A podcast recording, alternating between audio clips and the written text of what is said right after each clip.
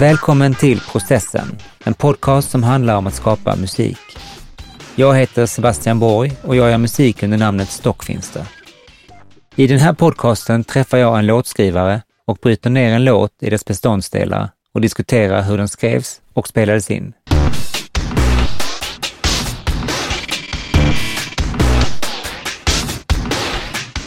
Idag sitter jag med Henrik Claesson från bandet This is Head. Tillsammans med bandkamraterna Adam Jakobsson, Björn Viking och Tom Malmros har This is Head släppt banbrytande post-rock, elektronika, krautpop sedan 2008. I januari 2011 vann de Årets pop på P3 Guldgalan och de släppte sitt senaste album 2015. Nu är de tillbaka med en rykande färsk EP som heter X och vi ska nörda ner oss i det inledande spåret Floating. Det är faktiskt första gången som processen har med en instrumental låt och det är också första gången jag spelar in med två gäster samtidigt. För vi har nämligen även med oss producenten bakom den nya EPn, Joakim Lindberg, som varit snäll nog att låta oss spela in det här avsnittet i hans excellenta Studio Sickan.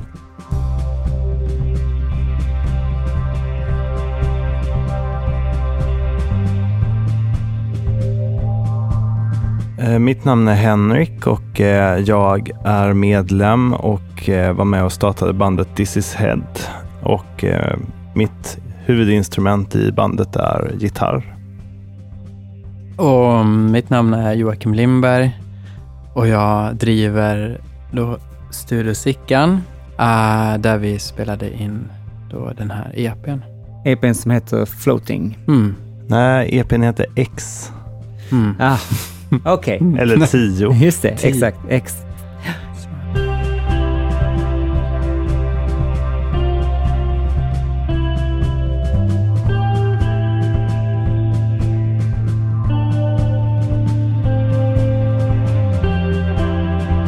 Jag måste fråga, bandnamnet, mm. kan du bara ge en liten kort uh, historik bakom det?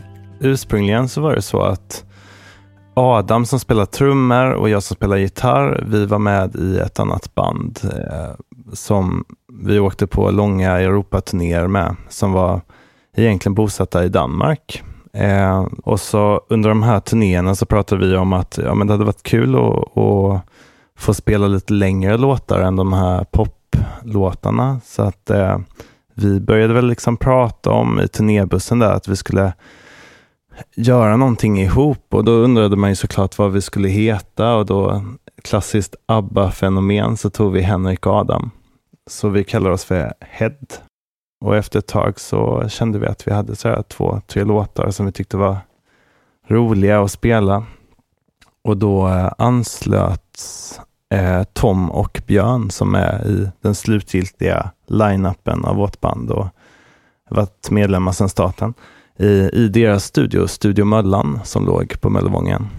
Eh, ja men shit, vi behöver ju faktiskt bas och synt också, så helt plötsligt så, så var vi tvungna att komma på något bättre namn än Head, så då eh, beslutade vi oss för att ja, vi kan väl kalla oss för This is Head istället.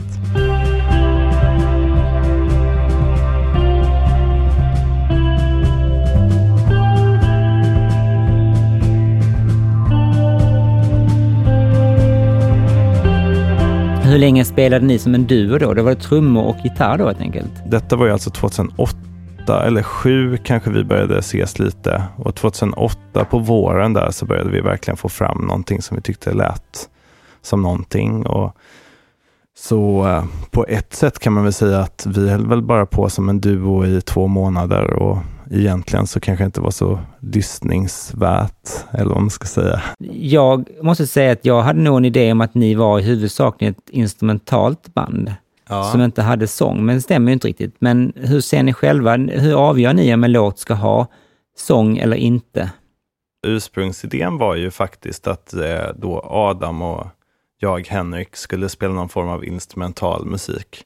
Men jag minns faktiskt att under den här den som blev vår första skiva. Eh, helt plötsligt vid något tillfälle så sa, jag vet inte vem som sa det, men det var så här att Björn, ska inte du testa sjunga lite på den här låten som heter 0002? Som var alltså vår andra låt vi hade skrivit. Och vi blev helt tagna, så här bara wow, vad bra han sjunger.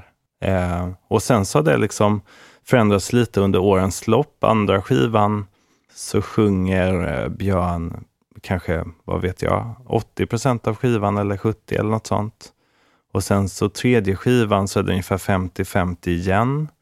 Och sen så nu då den här sista, senaste EPn, X, så sjunger han inte alls. Vi har ett vapen vi kan ta till om vi har lust. Är, är, ni, är ni alltid överens om en låt ska ha sång eller inte, eller blir det tjafs om det? Jag tror att man märker det rätt tydligt. Så här. Och just inför den här senaste EPn så skrivarprocessen av den har ju pågått under flera år där vi har setts kanske längre helger och bara stått och jammat eller spelat tillsammans som vi nästan alltid har skrivit låtar på det sättet.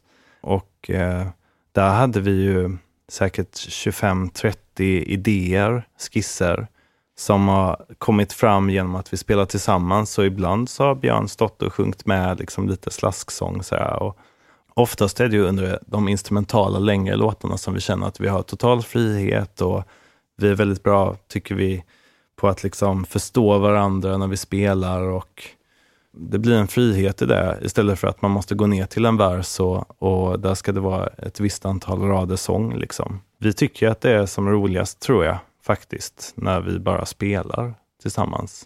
Men eh, vi har nog alltid trots allt sett sången som ett instrument också i så fall. Alltså vi har inte velat pusha fram sången längst fram i Nej. högtalaren utan det, det, är någonting som är tillhör helheten i så fall. Mm.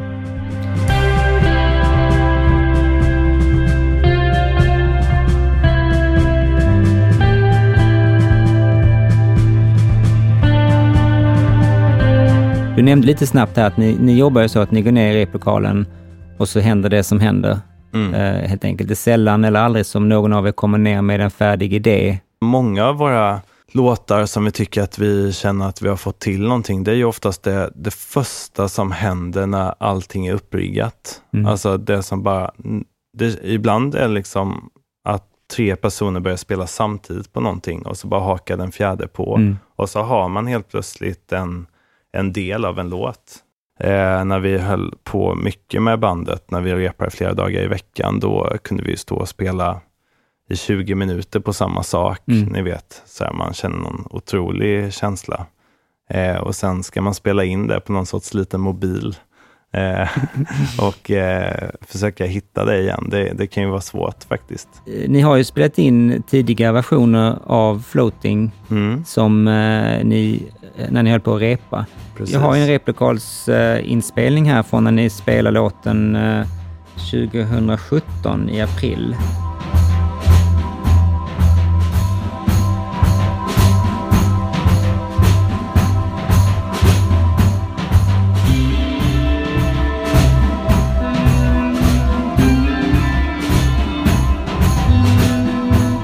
Det här som vi hör här är ju, det är egentligen när man spelar in efter att man har hittat någonting så spelar man in det. Till exempel så hör man ju här att det finns en gitarr som inte är med längre.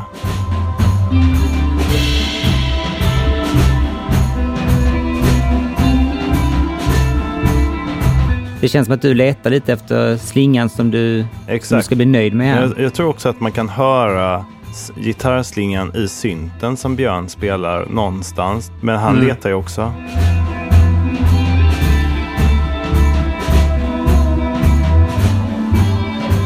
Och man hör också att Adam spelar ett annat trumkomp här, fast det är liknande men mer pukbaserat.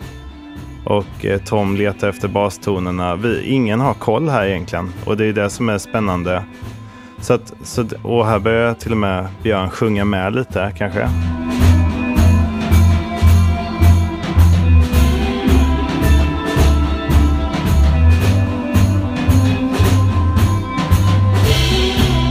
Den här helgen, eller vad det nu var, några dagar i april där, 2017, då, då kanske vi spelade in 12 sådana här olika idéer. Och sen så kom man hem och så lyssnar man på alla de här olika mobilinspelningarna. Och sen hade vi kanske något långt år senare, eller ett halvår senare eller något sånt, lång tid senare, att vi eh, lyssnade på de, alla de här bitarna som har tagits fram och eh, funderat på Eh, vilken av dessa vill vi gå vidare med? Eller finns det någon som har potential här? Eller, och så vidare. Och så hittade nog, eh, det var någon av oss, jag vet inte vem, som tyckte sig höra någonting i den här lilla, lilla Mm. snutten då.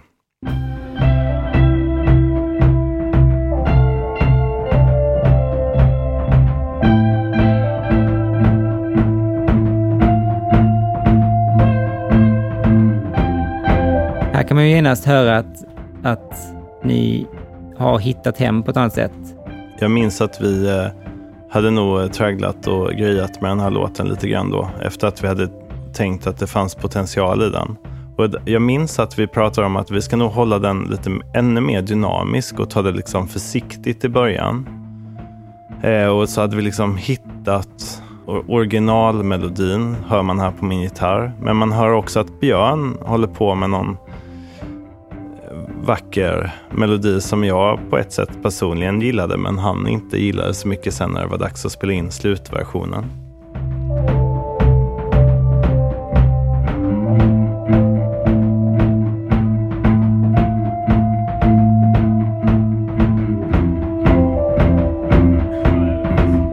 Första idén här var ju att vi skulle blanda två idéer, typ.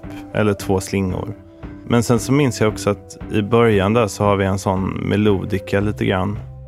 Eh, som också var med sen på slutinspelningen. Och det var att vi, vi hade pratat om att det fanns någon liten, liten tendens till eh, eh, Primal Scream-skivan. Vanishing Point. Mm, och mm. Eh, den här Star, låten Mm, Star.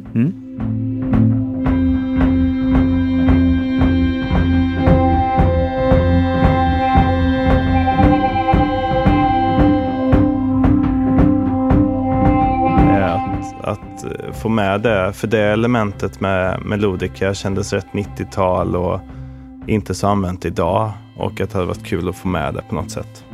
Men man hör också här att vi har hittat fram till någon, eh, det som blir ett mellanparti den slutgiltiga versionen.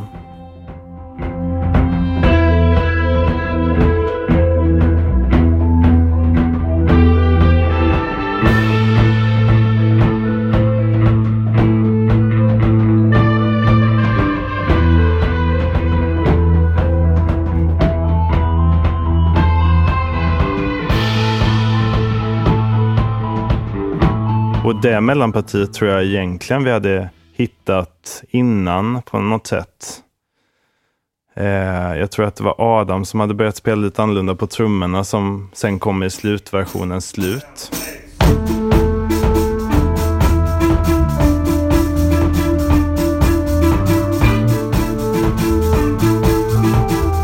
Och här hör vi att jag spelar någon annan gitarr som inte är med i slutändan.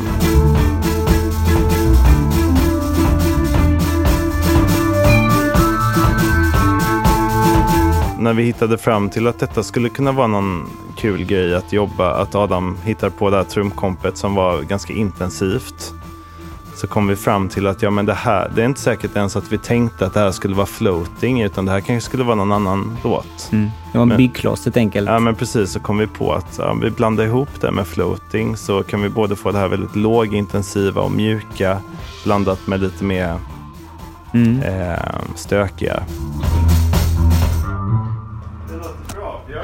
Men jag förstår, det gäller, det, det gäller ju att man ehm, inte är rädd för att blanda Nej, idéer. precis. Ja, men precis. Alltså, säga, det är ett väldigt schizofrent sätt att jobba på. Ja. Och det, jag kan tänka mig att det tar ganska mycket tid. Ja, det tar ju jättemycket tid och det är ju det som är grejen också med att ha de där jam-sektionerna när man bara skriver och spelar massa olika sorters idéer. Och det viktiga där är ju att man får inte utesluta någonting även om man inte tycker att det låter fantastiskt. Alltså, det kan finnas någonting i någonting även om det låter liksom som att du är på en bar i, på Hawaii.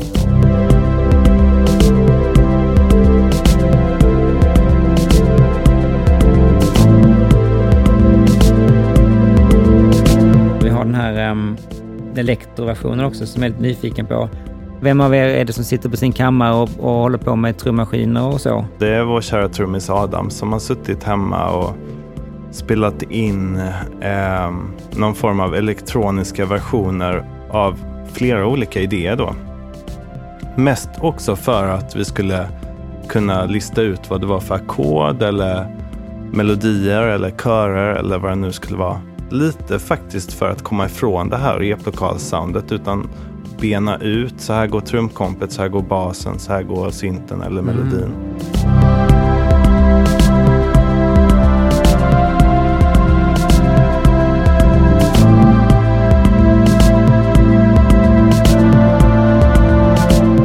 tycker jag är egentligen ganska fin. Den skulle kunna Jättefin. funka som en... Lägger han slinga på synt för att han inte kan spela gitarr eller?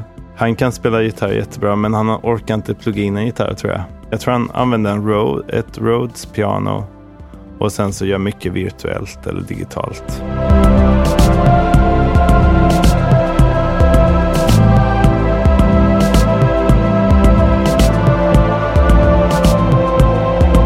För det är också en sak som slog mig när jag lyssnade igenom era skivor, det är att ni, ni bangar ju inte för den elektroniska eh, motpolen så att säga. Ni verkar som att ni har en fot i vardera land. Är det så för alla medlemmarna eller är det en av er som driver den Ja, visionen men vi, mer? vi har ju alltid haft eh, den eh, otroligt, eh, vad ska man säga, demokratiska inställningen till vårt band. Att alla står för sina 25 procent, så jag står för bara gitarrer och eh, Adam för trummor och, och Tom för bas och Björn då för, för elektronik eller syntar.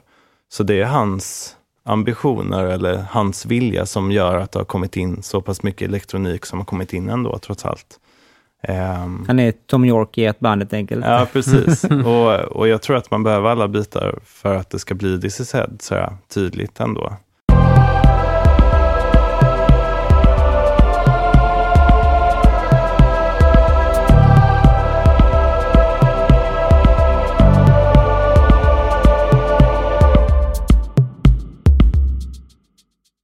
Rolig grej som jag tänkte på nu när jag hörde de här olika versionerna, det är att eh, för egen del så hörde jag alltid den här huvudmelodin, att det var som att det var körer, speciellt i Adams elektroniska variant. Att det är som körer som sjunger floating, Mhm. alltså på något sätt. Det som spelas på gitarren tänker du? Ja, precis som Adam hade i sin elektroniska version som Mm. var så väldigt pampig och körig. Att man hörde Mm. körer sjunga floating om och om igen. Men sen så bestämde vi oss för att vi skulle köra helt instrumentalt och hålla det utan vokal. Hur eh, kom ni i kontakt med varandra då? Studio, Sickan och Joakim? Vi har ju känt varandra länge och spelat ihop med varandras band på diverse tillställningar. Så att det är väl egentligen om, det är väl så vi känner varandra. Och sen så Ja. kom frågan. Det är inspelat här helt enkelt. Här, ja, där vi precis. sitter nu. Det har jag inte tänkt på, men den här studion är lite udda i det avseendet att kontrollrummet är ju en integrerad del av inspelningsrummet. Mm. Hur gör du då när du spelar in? Sitter du med lurar då eller? Mm. Jag sitter med lurar. Mm. Det blir ju några extra soundcheck-vändor liksom. Att Mm. kolla hur alla mickar äh, fungerar med varandra och sådär. Eller främst anledningen till varför jag inte har kontrollrum är för att jag tycker det är så otroligt tråkigt att sitta själv i ett annat rum Mm. när allt det roliga händer i inspelningsrummet. Och sen så gillar jag också lite den här grejen med att inte ha total kontroll heller. Det får gärna hända grejer. Det händer väldigt härliga grejer som man inte riktigt tänker på. Allt det här som ni har pratat om nu var ju någonting vi hade pratat om som något positivt. Mm. Dels ett, att det skulle kännas som en dokumentation nästan. Mm. Dels två, fånga livekänslan. Och att det som eventuellt händer, händer. Mm. Och att det gäller att vara med där. Mm. Men det var ju det som jag såg som det absolut största, eller det viktigaste i hela inspelningen var ju att ni skulle, det skulle kännas som att ni var i replokalen. Nästan som att vi spelade in den i replokalen medan Mm. ni stod och, och jammade. Skruvar du mycket på um, ljuden när du spelar in eller kör du det rakt in och så rattar du på dem efteråt? Ja, lite skruvade jag på vägen in och komprimerade ganska mycket på vägen in.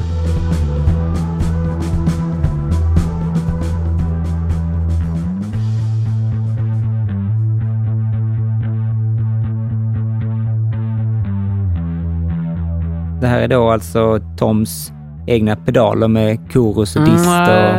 Nej, där är choruset på i efterhand. Mm. Ja.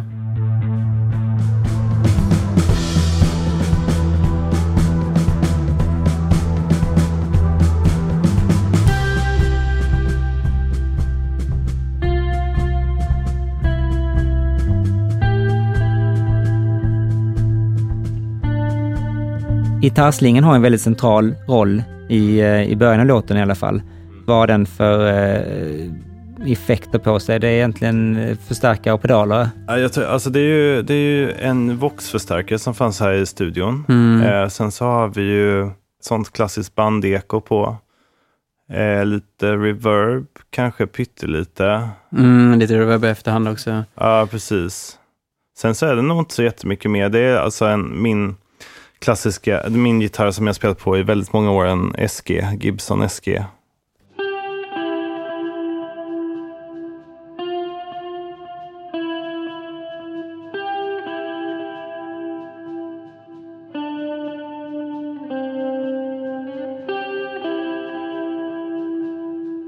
Och sen så spelar jag ju på B-strängen bara. Så förflyttar handen väldigt mycket. Vilket gör det här att den blir ganska stabil Mm. eh, och nästan som ett barn spelar på en sträng själv. Liksom. Det är nog chorus på också. Ja, det är chorus är på också, ja.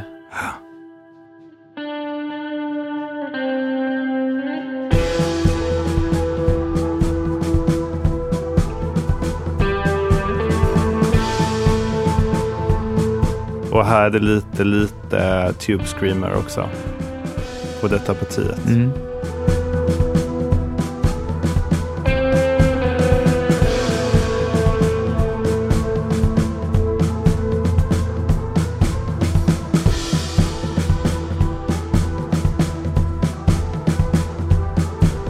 Trummorna låter väldigt organiskt. Alltså, Mm. De låter bara som ett jäkligt bra trumset. Just den här låten så ville jag eh, ha ett väldigt organiskt Mm. trumsound. Så det är ju...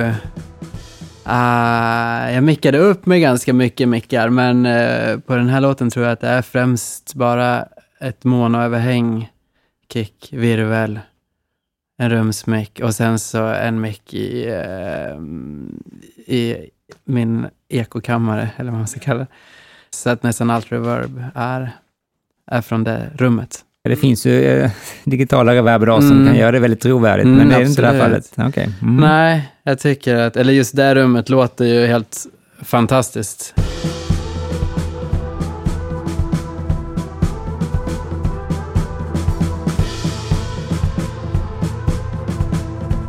Ah, och i det rummet, eftersom att det är live och det är bara att dörrarna öppna, så går ju också gitarren och syntarna in. Så jag har direkt en perfekt mix av reverbet Ja. i ekokammaren.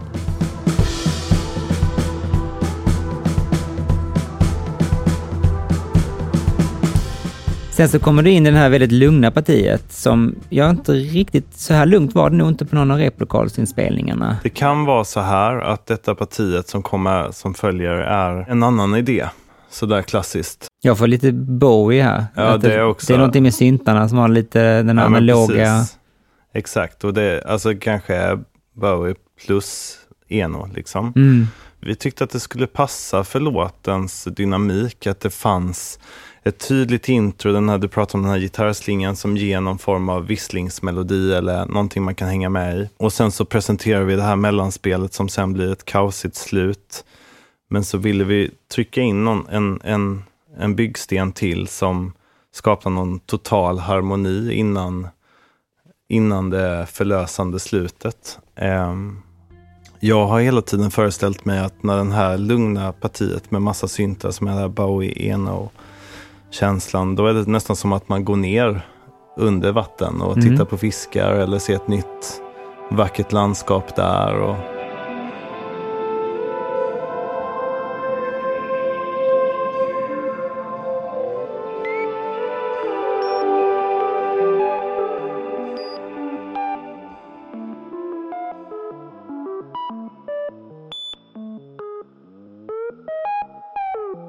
Och det finns också en synt där som har ju, där har ni ju antagligen lagt på i efterhand de här Mm. mm. blippeblopparna som... Ja, de skapar ju någon form av ja, nästan ubåtsljud eller liknande.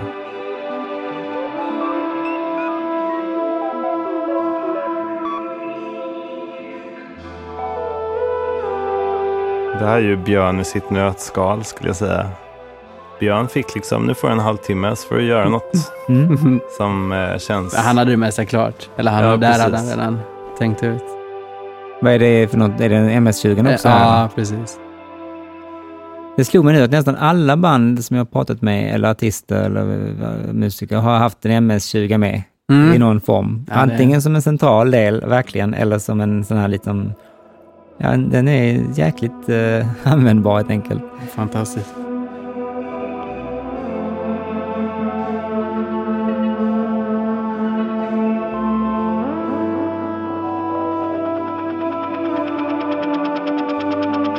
Han körde vidare lite med vad jag kallar för helikopterljudet där. Mm.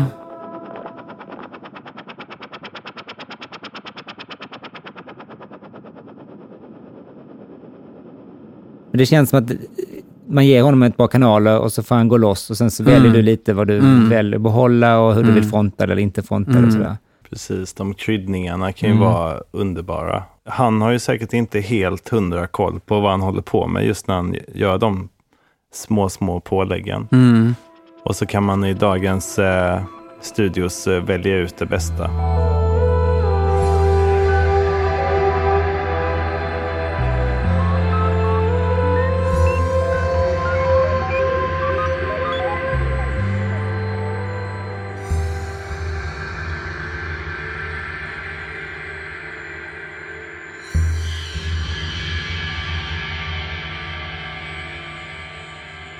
Här kommer även någon slags percussion-idé här som, som eh, ni eh, antagligen... Precis. Jo, men eh, här ville Adam ha in någonting där. Mm. Ah, och så l- lastade han upp sin låda med roliga saker. Men vi tycker att det är väldigt kul att pynta med den typen av percussion som kanske inte heller till vanligheten är det vanligaste man tar fram. Mm. Eh, Och eh, vi gav ju dig också totalt fria tyglar att göra vad du ville med Mm. inspelningen. Alltså, gör vad du vill. Eh, Gå igenom gitarreffekter eller, Mm. eller vad som helst för att göra det. Nu- har vi gjort vårt, nu får du göra ditt. Mm. Vad, är det, vad är det grunden vi hör egentligen? Vad är det? Bjällror och sen så är det sån här symbol när man drar ovanpå riden liksom. Mm. Som sen går igenom eh, massa gitarrpedaler. Mm.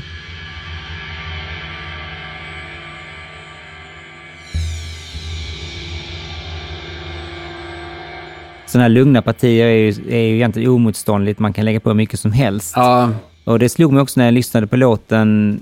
Den är ganska ekonomisk. Det är inte så mycket som skapar ljudbilden. ja, man hör ju det ännu lättare sen när man börjar mixa vad som faktiskt tillför någonting och inte förstör helheten.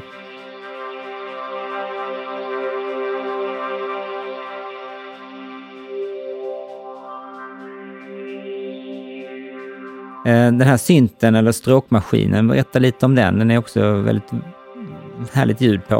Ja, Men det är väl egentligen eh, det är Björns eh, Stringman som han köpte väldigt tidigt eh, när vi startade. Vi har ju pratat mycket om det här med att, att det, skivan, den här EPn som vi släppte nu heter ju X och det står ju för 10 och det är ungefär då att vi spelade in det här 2018, den här senaste EPn och då är det ju 10 år sedan vi hade startat bandet. Så att det var fint att liksom ha med till exempel stråkmaskinen från 2008 Mm. på inspelningen 2018. Mm.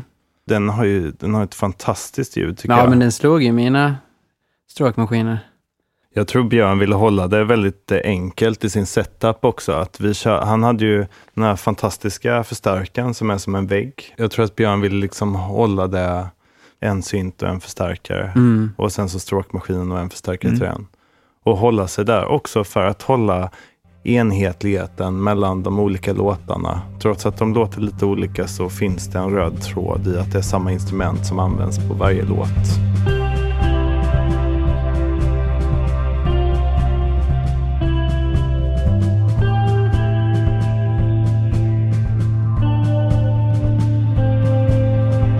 Den här låten tycker jag är ett bra exempel på det. Alltså, vissa syntar och så här är väl eh, relativt avancerade, men vi har velat hålla det så enkelt som möjligt i mångt och mycket. Att jag spelar liksom en melodi som är på en sträng, kan nästan liksom en sjuåring göra. Och, och eh, det handlar inte om att man ska spela något avancerat, utan det handlar bara om att fånga känslan och fånga liksom samspelheten och, och hålla det ganska primalt och enkelt egentligen. Mm.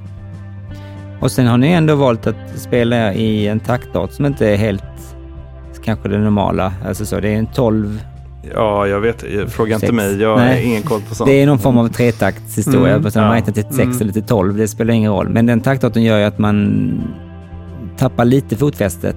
Mm. Speciellt i början med slingan. Ja. Um, eller... ja, och, det, och det där att eh, den takten kombinerat med basen som är väldigt stabil och spelar egentligen fyra ackord mm. om och om igen. Det blir ju den där, lite som du pratade om innan, att man blir man hoppar till liksom efter fjärde ackordet. Oj, mm. nu börjar det om igen. Mm.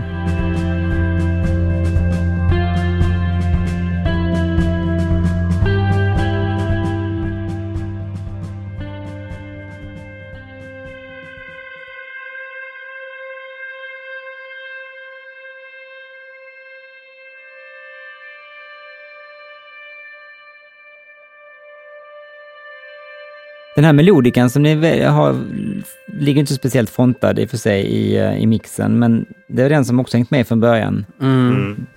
Så det är jag och eh, Björn som samarbetar där, för den går direkt genom uh, Space Echot. Vår uppväxt har ju såklart präglats mycket av 90-talets musik och jag tänker på Damon Albarn och Primal Scream och yeah. alltså alla de har ju haft med melodikan på något sätt och Björk också, tänker mm. jag mig nästan höra. Mm.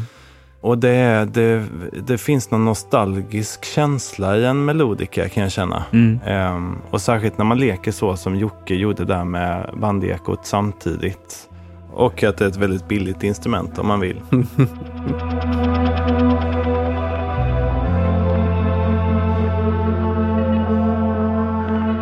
det där ljudet precis innan du har den här helt galna fassen. Ja. Som så fort man rör gitarren så kommer ett litet missljud. Äh, ja, ja, ja. Då brummar den till liksom. Det här som kommer här alltså.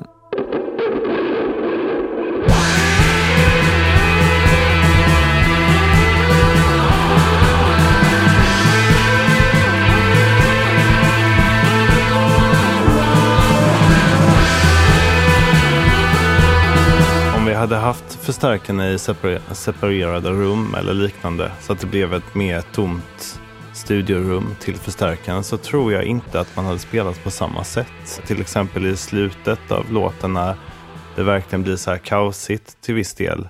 Då gör jag ju precis som jag gör på en livekonsert, att jag går ner på knäna och trycker på alla pedaler jag kan och skruvar och grejer mm. utan att ha någon som helst kontroll egentligen på vad som händer. Mm. Eh, och det, fin det, finns ju också med ett väldigt tydligt, nu tänker jag bara på gitarren här, men det finns en så här väldigt stark melodi, wowa, eh, fass eh, gitarr på slutet och den har ju också ett hål i sig i slutet.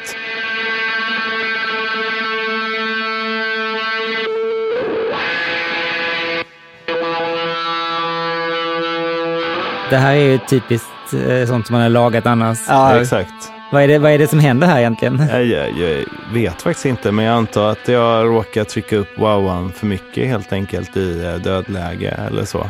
Och då försvinner ljudet. Men det tycker jag också, det var ju hela poängen med den här inspelningen som jag sa innan, någon form av dokumentation. Och, och så där kan ju, det där kan ju hända live också. Jag, jag måste säga att jag älskar när det blir sådär. Mm. Att det blir lite fel. Alltså mm. att då vaknar man till liv lite. Vad hände där? Nu dog någonting. Så skulle man ju aldrig göra om man höll på med pålägg till exempel. Nej, eh. det är också svårt att avgöra de, den typen av misstag vid ja. ett pålägg, om det är gött eller inte. Mm. Liksom. Ja, här blev det ju självklart att wow, det här det var ju, gjorde ju ja. så mycket till känslan av att gitarren dog. Ja.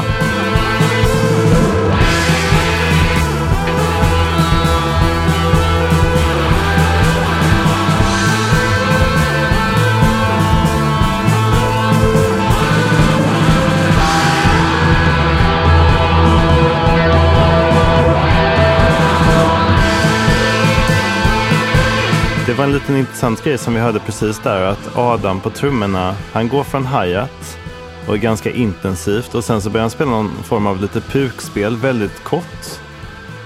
Och sen så går han på riden.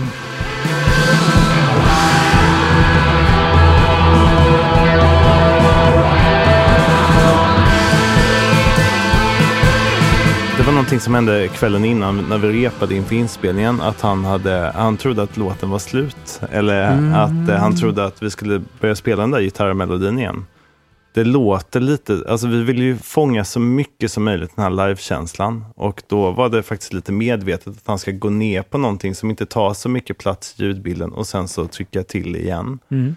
Men det är väldigt spännande att arbeta så att det inte behöver vara det där typiskt karaktäristiska distpedalen som gör jobbet när det blir hårdare till exempel, utan att man kan jobba med alla instrumenten. Det tycker jag också är någonting som vi ofta har pratat om att då har man mer möjlighet att, ja men det behöver inte vara, behöver inte vara en gitarr som ska bli jättehård, utan det kan vara något annat. Mm.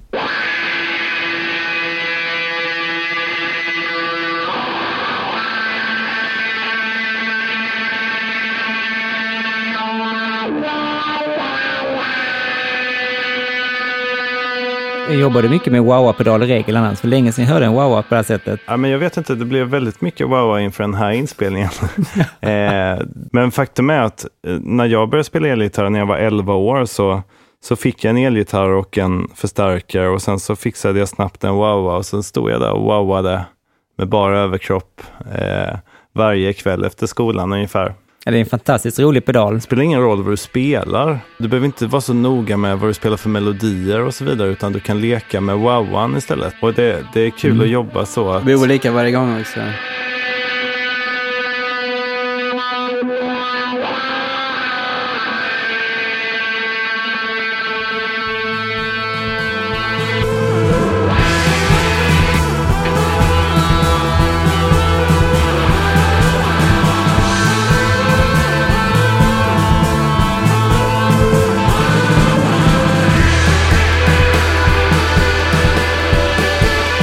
Bestämde det dagen innan vi skulle spela in att så här, vi, vi kör vidare, att allting bara faller isär och att trummorna avslutar själv, som hände i slutet då.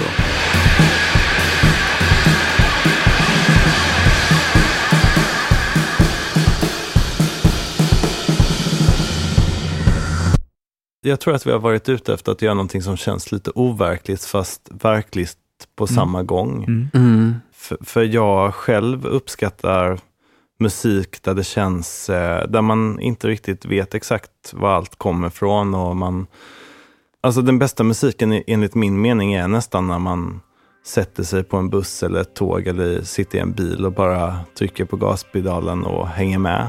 Och eh, känner att vilken fantastisk liten bubbla jag lever i just Mm. nu. Och det är det som är grejen också när man färdas någonstans tycker jag att Många såklart i dagen samtidigt tittar ju på sina telefoner och sånt där. Men, men det är någonting med när allting är i ständig rörelse så blir musiken till det bättre också. Mm. Jag tackar Henrik och Joakim för att de ville vara med i processen. Ni kan höra This is Heads musik på de vanliga streamingkanalerna. Och söker ni en studio i Malmö rekommenderar jag varmt att ta kontakt med Joakim på Studio Sickan. Jag är snart tillbaka med en ny artist och en ny låt som vi ska dissekera. Här kommer nu Floating i sin helhet. Vi hörs!